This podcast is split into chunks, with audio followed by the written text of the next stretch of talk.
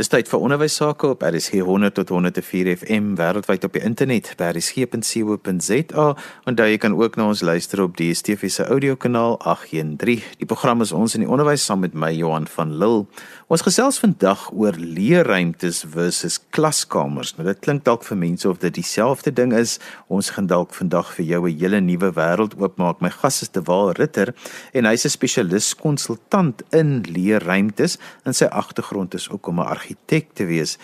Terwyl as ons praat van klaskamers versus leerruimtes, verduidelik gou vir mense oor hoekom ons onderskei tussen die twee goed. Middag Johan. Ag ja, ek dink as 'n mens kyk na uh, klaskamers soos ons almal groot geword het en dit wat ons ken, dan uh, kom herinneringe op van uh, 'n ruimte wat vier mure het, 'n enkele deur, 'n paar vensters, 'n swart bord of 'n hedendaagse wit bord, dit kan elektroniese wit bord wees, kom uh, op in jou gedagtes en en jy sien 'n uh, amper 'n silo, 'n afgeslote ruimte wat uh, gedryf word deur 'n onderwyser wat voor staan en dan 'n klas dan aanbied van die voorkant van daai ruimte af. Dis wat ons uh, in ons gedagtes sien rondom klaskamers. As jy 'n bietjie verder gaan dink oor leerruimtes, kom geleenthede op waar jy eintlik op enige plek kan leer. En uh, dit bring 'n buigbaarheid in jou gedagtes en in die ruimte na vore. So jy kom by die punt uit waar jy sê maar jy kan eintlik op enige plek leer. Is dit nodig dat 'n ruimte vier mure en een deur en twee vensters hoef te hê? Ja, so daar is as wesentlik wat my betref 'n verskil tussen daai twee. 'n Klaskamer het bepaalde beperkings terwyl 'n leerruimte maak net soveel meer moontlikhede oop te waal. Dis reg Johan, ek dink as dit kom by buigbaarheid, is dit een van die eerste fasette waaraan jy moet aandag gee as jy kyk na 'n leerruimte. Wat is die funksie wat binne in daai ruimte plaasvind? Wat moet uitspeel?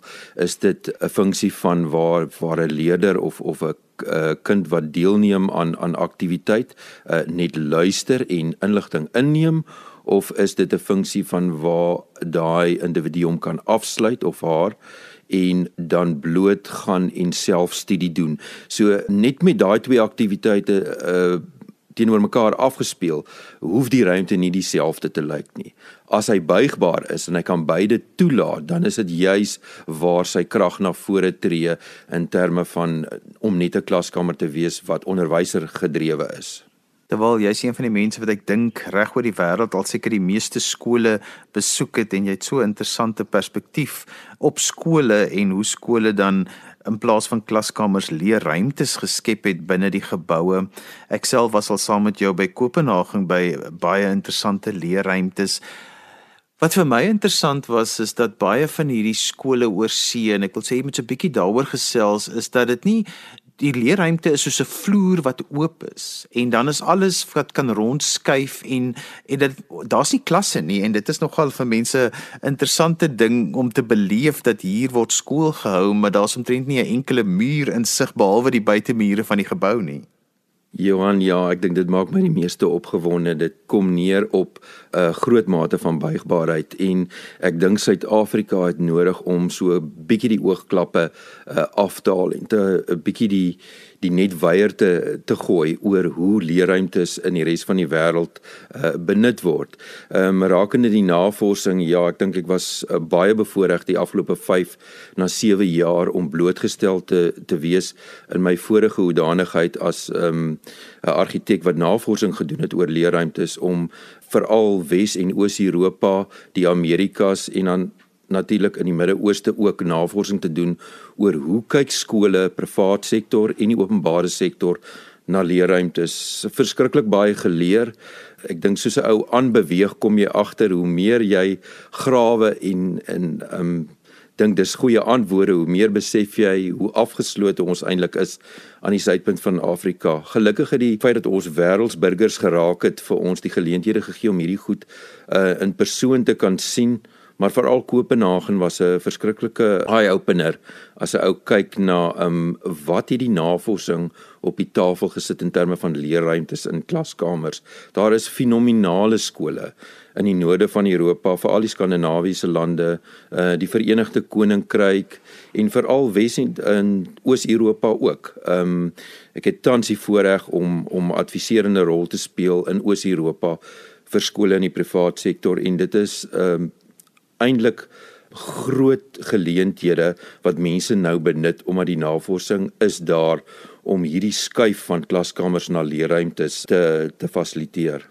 Terwyl wat is van die interessantste ruimtes wat jy al op jou pad met skole raak gesien het oor die wêreld? Wat was die interessante dinge wat net vir jou so uitgespring het om te sê, "Sjoe, dit is nogal iets wat vir jou wat jou klokke laat lei."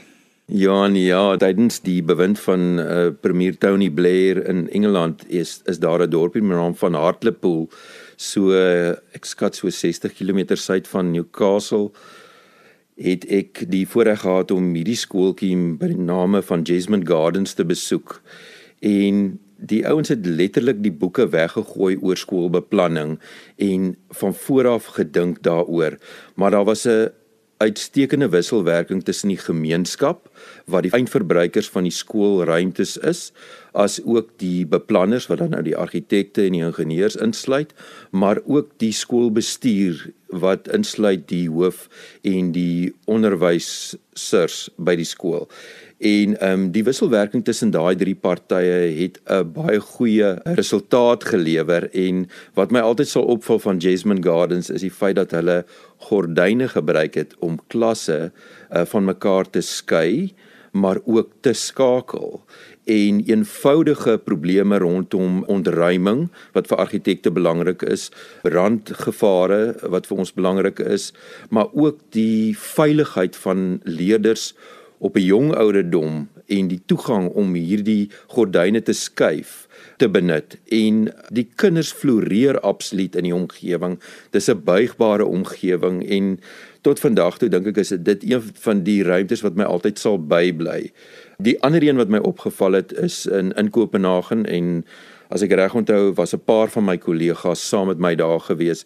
Het ons die voorreg gehad om die hoërskool in Orestad uh, gimnasium te besoek en dit was ook 'n eye opener vir my gewees. Ek dink ehm um, hoe oor hoe hoërskole werk, selfgedrewe leer wat al veral vandag na vore kom in Suid-Afrika. Daar's nou ehm um, maatskappye wat wat hard werk aan dit om die platform waar ons is te benut om selfgedrewe lewe te promoveer het hulle alreeds reg gekry in Denemarke. En ehm um, die Deense ehm um, die Deense invloed is groot. Ek sê nie dis die hele antwoord nie. Ek dink ons konteks is uniek maar ons kan leer by ander ouens wat reeds reeds die pad gestap het. Terwyl wat vir my byvoorbeeld opgeval het van daardie spesifieke skool wat ek ook die voorreg gehad het om te besoek, is dat 'n auditorium is nie net 'n auditorium nie, dit word te veel doelige ruimte, dit word ook trappe, dit is ook 'n 'n plek waar verskeidenheid van aktiwiteite kan plaasvind. Dis nie 'n klaskamer nie, dit is 'n ruimte waar binne 'n verskeidenheid van tipe leer kan plaasvind, maar so is 'n ruimte ook nie net eene wat bestaan uit 'n klomp tafels wat neergesit word nie. Dit word al hoe meer gebruik dat kinders ook self die ruimte kan inrig soos wat nodig is vir die aktiwiteite wat hulle daardie dag in die ruimte wil doen. Johannie is heeltemal reg. Ek dink ehm um, en dan gaan dit verder na die punt toe waar meublemente 'n rol begin speel. Wat is die meubels wat as ek nou die Engels mag gebruik fit for purposes vir daai aktiwiteit wat daar plaasvind. Ek dink dan begin jy kyk nou nie net goed wat jy van die rak af koop nie, maar jy begin speel met doelgemaakte meubels. Het sê dit uh, van sta, sagte stoffering is vir absorpsie van die klank of dit 'n uh, harde element is wat verstelbaar is om hoogtes te akkommodeer vir 'n leerder wat byvoorbeeld sit of staan of in albei gevalle gebruik kan word. So jy is heeltemal reg. Uh, trappe word auditoriums. Ehm um, dit beteken ons word gekonfronteer deur nie net die brandvereistes te aanvoldoen vir 'n gebou wat moet goedgekeur word op beplanningsvlak nie, maar die trappe kan heelwat wyer wees wat voordelig is vir brandvereistes waaraan ons moet voldoen en dit kan 'n ruimte op sigself word waar 'n uh, leerders opvoerings kan doen. Ehm um, mens sal moet kyk na hoe werk die klankabsorpsie, die die inval van natuurlike lig die gebruik van lig wat wat ons self werp in die ruimte wat nie natuurlik is nie. Uh daar's verskeie veranderlikes wat 'n rol speel, maar dan kom 'n ou by 'n punt waar jy nie meer ruimtes mors in die beplanning van geboue nie, maar dit vir meer as een doelwit aanwend. En dan op die ou einde is dit ook beter vir die belegger in daai ruimte dat jy meer uit die ruimte kry as net um, 'n um, klaskamer. Terwyl wat vir my nogal interessant is is dat mense al hoe meer begin wegbeweeg na dooie ruimtes binne skole nadat 'n mens eintlik al die ruimte in skole kan gebruik. En jy het net nou in die eerste gedeelte al so bietjie daarna verwys waar mense begin wegdoen met gange en gange wat eintlik vir die hele dag net so hier en daar gebruik word om die kinders van die een klas na 'n ander klas te laat beweeg. Maar daar's so baie van mense wat ook tradisionele klaskamer skole het wat dan anders begin dink oor die ruimte ruimtes en met min geld eintlik dan die skool omskakel in 'n aantal leerruimtes met waar hulle meer kan doen as net met klaskamers. Ja, Johan, jy is heeltemal reg. Ehm um, ek dink ehm um, dit gaan so 'n bietjie die die argitek in my na vore bring waar ek sê ons het nodig om te kyk na die persentasie van van ruimte wat ons spandeer op sirkulasie. Natuurlik is daar die manier van hoe hierdie ruimtes met mekaar skakel en moet ons dit eerbiedig en die regte sirkulasie oplossings verskaf. Maar ons kan daai persentasie van sirkulasie verminder. In my vorige hoedanigheid waar ek by um Gero Holdings gewerk het, het ons spesifiek ook na die navorsing gekyk om te sien hoe skakel daai ruimtes en ons het daai persentasies begin ehm um, bevraagteken. Dit bring jou by die punt waar jy sê maar as ek uh, 15% aan sirkulasie spandeer, kan ek nie nog 5% van dit eerder spandeer aan nog leerruimtes nie. As ek daai 5% vat en ek sit dit by by klaskamers wat uh, in 'n fraks groter gemaak word, kry ek beter le leerruimtes wat dan buigbaar is. So ek dink ons het nodig om om baie mooi te gaan kyk um oor hoe skakel ons die spesifieke ruimtes in skoolbeplanning. Ek glo vas dat skole soos ons dit ken dat daar altyd 'n groot deel sal wees waar die tradisionele uh opset 'n rol gaan speel, maar daar is 'n stelselmatige skuif na geboue wat meer buigbare ruimtes ook het.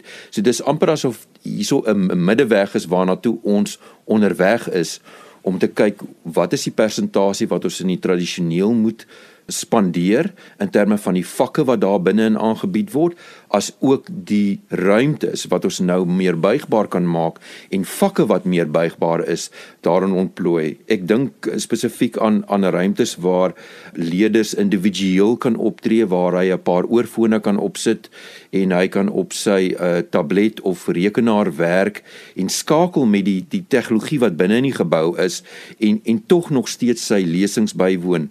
COVID-19 het ons geleer dat ons 'n bietjie anders te moet begin dink hieroor. Ons kan nie meer al die leerders in dieselfde ruimte hê oor oor die impak van van COVID nie. Maar dan is daar ook ruimtes waar jy 'n groep leer doen, waar leerders met mekaar moet saamwerk in groepe van 4, 6 of 8.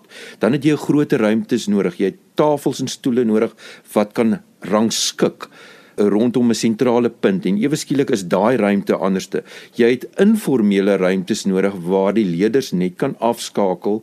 Ek praat nie van individuele studie hier nie, maar waar jy kan afskakel en kan skakel met ander leerders op 'n informele vlak, want dis ook leer wat dan na plaasvind. En dan laastens natuurlik het jy die ondersoekende ruimtes. Engels praat ons van die exploration deel en en dit sluit vir my vakke in soos robotika en kodering en en ook die wetenskappe. Leerders moet goeders kan toets. Hulle moet kan speel, hulle moet kan reageer en hulle moet dit saam met hulle maats kan doen. Laastens eintlik is is iets soos die ek verwys na die Griekse woord agora wat 'n plek van samekoms is waar almal bymekaar kan kom en dit is tradisioneel in ons skole, maar die skoolsaal, maar die skoolsaal is een van daai ruimtes wat baie minder gebruik word op in 'n daaglikse opset in 'n skool. So ons moet daai agora ruimte, daai skoolsale beter begin benut en meer gebruik dat hy nie net eenmaal of drie maal 'n week ten volle benut word nie. Terwyl jy was onlangs betrokke by die ontwerp van 'n skool binne 'n gemeenskap by die Fallart skema waar jy nogal 'n sterk tema wat ook in jou werk baie duidelik deurkom wat nogal in kontras staan met hoe skole vroeër jare ontwerp is. Vroeër jare was daar 'n standaard model van skole en die departemente het dit oral neergesit ongeag die omgewing. Maar daardie spesifieke skool het jy begin by hoe lyk die omgewing waar binne die kinders groot word, waarin hulle tuis voel en toe het jy gesê maar dit het 'n impak op hoe die gebou moet lyk waar binne kinders dan nou moet leer en hoe die leerruimte moet werk. Vertel 'n bietjie vir ons daai filosofie in konteks asseblief. Johan, ja, ek dink dit is dit is die sterk deel as argitek wat in my na vore tree wat ehm um, ek na kyk as ek na 'n spesifieke stuk grond kyk. Ehm um, dit was 'n bestaande laerskool gewees. Die behoefte was om verder uit te brei en ek het letterlik die fallout skema binne gery en bewus geraak van wat rondom my aangaan. Nou as argitek wanneer jy beplanning doen, wanneer jy jy by die konsepstadium moet uitkom, is daar bepaalde veranderlikes wat jy moet in ag neem. Ek het uh, doelbewustelik geweet die veranderlikes is in die binnekant van die gebou, die spesifieke ruimtes wat gekoppel moet word aan die kurrikulum of leerstelsel wat ontplooi moet word binne in die, in die gebou, maar ek het ook gesê daar's 'n impak van buite af. En enige argitek wat sy sout werd is, sal sy konteks in ag neem. Vir my is dit verskriklik belangrik. Dit is hoe ek ook eh, geleer is en ons het gaan skakel met die gemeenskap wat aanvanklik die skool begin het. Ons het gaan kyk wat is vir hulle belangrik. Ons het lesse daaruit geleer en ons het dit eintlik saam met hulle gedoen, amper onsselfbewuslik deur daai deur daai patrone van die landskap en die omgewing in die geboue in te trek. En op ouende het ons dit aan hulle voorgestel en die reaksie was in my uh, oë definitief positief geweest as ek vandag met van die mense praat, die preke staan onder konstruksie, dan kry ek 'n baie opgewonde terugvoer van die gemeenskap want dit dit het gegaan oor erkenning. Die plek waar jy jouself vind. Ehm um, jy kan nie net inkom in die Engelse woorde is 'n copy and paste oefening hardloop nie. Jy kan dit nie doen nie. As as ons as verantwoordelike argitekte in so 'n omgewing moet optree, nie net in 'n spesialis omgewing soos skole ontwerp nie, dan behoort ons altyd die konteks in ag te neem. En ek dink uh, dit is wat ons daar kon regkry en die skool gaan die norme uh, uitdaag waaraan ons gewoond is. Maar dis in orde so want COVID-19 het ons hierdie jaar uitgedaag. Mense is nou meer ontvanklik as ooit tevore vir 'n omgewing wat anders te lyk en werk. Terwyl in my belangstelling in in breinbewustheid is weet ek wat is die waarde daarvan vir kinders om ook baie keer uit die leerruimte te tree in chill out spaces. Ek by 'n gebrek aan 'n beter woord want dis wanneer die brein prosesseer en goed organiseer en en eintlik verwerk wat hulle geleer het. En ek weet dis ook iets wat vir jou belangrik is binne geboue en jy het net so 'n bietjie daarna verwys. Wat bedoel ons met 'n chill out space? En ek weet dis iets wat 'n openbare skool met min moeite eintlik ook kan inbring in hulle bestaande strukture want daar's soveel opvoedkundige waarde om so iets te kan hê. Vir my is is die feit dat elke persoon nie dieselfde is nie, speel 'n baie groot rol. Jy gaan leerders kry in ruimtes wat ehm um, daarop floreer om in 'n rigiede ry te sit en uh, inligting in te neem, maar daar's ook leerders wat beter sal omgaan met daai inligting wat aan hom oorgedra word as hy in 'n meer informele ruimte is. In ons wêreld waar die leerders met spesiale onderwysbehoeftes ook na vore tree in die hoofstroom omgewing, het ons nodig om om hulle te kan akkommodeer op 'n manier wat vir hulle uh, ook die geleentheid gun om daai selfe vlak van inligting te kan inneem. So die feit dat ons uh, soos jy genoem het chill out spaces in die geboue wil inbring, speel 'n baie groot en belangrike rol. Hierso is veral uh, een goeie voorbeeld in die Wes-Kaap wat ek aanhang wat ek nie by betrokke was nie, maar wat 'n baie goeie voorbeeld is van hoe chill out spaces werk en die leerders regtig daai ruimte gee om hulle self te wees om met die inligting om te gaan. As ek teruggaan na na die oorsprong van hoekom dit vir my belangrik is, het ek dit by Orestad uh, Gimnasium in Kopenhagen gesien waar 15 leerders op fat sacks lê in 'n ruimte wat uh, ten volle bekleed is met 'n uh, uh, pluistapuite en hulle het hulle uh, oorfone op en hulle um, rekenaars is voor hulle en hulle sit rustig daaraan werk en hulle doen werk saam met mekaar, maar hulle praat nie met mekaar nie. En dit het net vir my gewys dat ongeag van hoe die ruimte is, die werk kan plaasvind. En as ons die geleentheid vir die volgende generasie gee, want hulle is besig om te werk aan beroepe wat ons dalk nog nie ken vandag nie. Dis definitief aan die gebeur en hulle reageer anderste omdat hulle in 'n ander wêreld groot word. Ek dink altyd daaraan is as ek kyk na die stereotypiese manier van hoe skole beplan word is baie van hierdie inligting gaan terug na die 1960s toe. Liewe genade, ons sit 60 jaar later en ons is nog steeds besig om dit aan te hang. As argitek wil ek dit uitdaag en ek glo daar's baie ander mense wat net soos ek dink dat ons hierdie goed moet uitdaag. En dit sal goed wees want hoe meer jy van hierdie ruimtes gaan sien wat wat die norme uitdaag, hoe hoe gelukkiger eindgebruikers in terme van leerders gaan ons definitief kan kry. Terwyl so ter afsluiting, ek weet jy het ook 'n passie vir innovasieruimtes. Nou om vir mense te verduidelik hoe innovasieruimte lyk is nogal baie moeilik. My gevoel is dit lyk amper soos 'n fabriek by tye want dit het sulke dit het klein holtetjies en is allerlei interessante goed en is nogal bietjie de mekaar, maar dit is ook 'n 'n ruimte waar binne kinders se kreatiwiteit en innovasievaardighede van op 'n natuurlike manier kan ontwikkel. Ek dink aan werkswinkels, ek dink aan hoë ruimtes, ek ek dink aan aan ruimtes wat ehm um, besaai is met dienste soos byvoorbeeld ligversorging, elektries beligting wat blootgelê is, wat amper soos 'n as ek die Engelse woord mag gebruik, 'n workshop lyk like, waar um, jy net kan eksperimenteer. Um ek dink baie skole het dit nodig. As ons dit net um hou vir um vakke soos ingenieurswese of ingenieursgrafika en ontwerp of of selfwetenskappe dan dink ek is ons besig om ander leerders wat ander kreatiwiteit in hulle het soort van uh, te weerhou daarvan. So ons het eintlik nodig om ons skole toe te rus met groter werkswinkels waar jy met verskillende mediums kan werk in jou kreatiwiteit. En goed soos kuns kom kom hierby in maar ook om fisies met jou hande te werk as jy kyk na programme rondom kodering en wat ek uh, gesien het by Lego se hoofkantoor hoe kinders met blokkies werk. Jy het nodig om ruimtes te hê waar hulle met blokkies kan speel. Al is dit net op laerskool vlak, nie noodwendig op hoërskool vlak nie. Het jy nodig om groot van daai ruimtes by te bring want ons het ons het baie kreatiewe mense vir die toekoms nodig. Is een van die beroepe wat ek glo nie sal ten gronde gaan nie, maar net nog meer ontplooi sal moet word in hierdie data-gedrewe omgewing waar wat ons nou tans betree. Terwyl as mense verder met jou wil gesels oor leerruimtes en 'n bietjie opsies wil met jou deel en bietjie deurgesels, hoe kan hulle met jou kontak maak?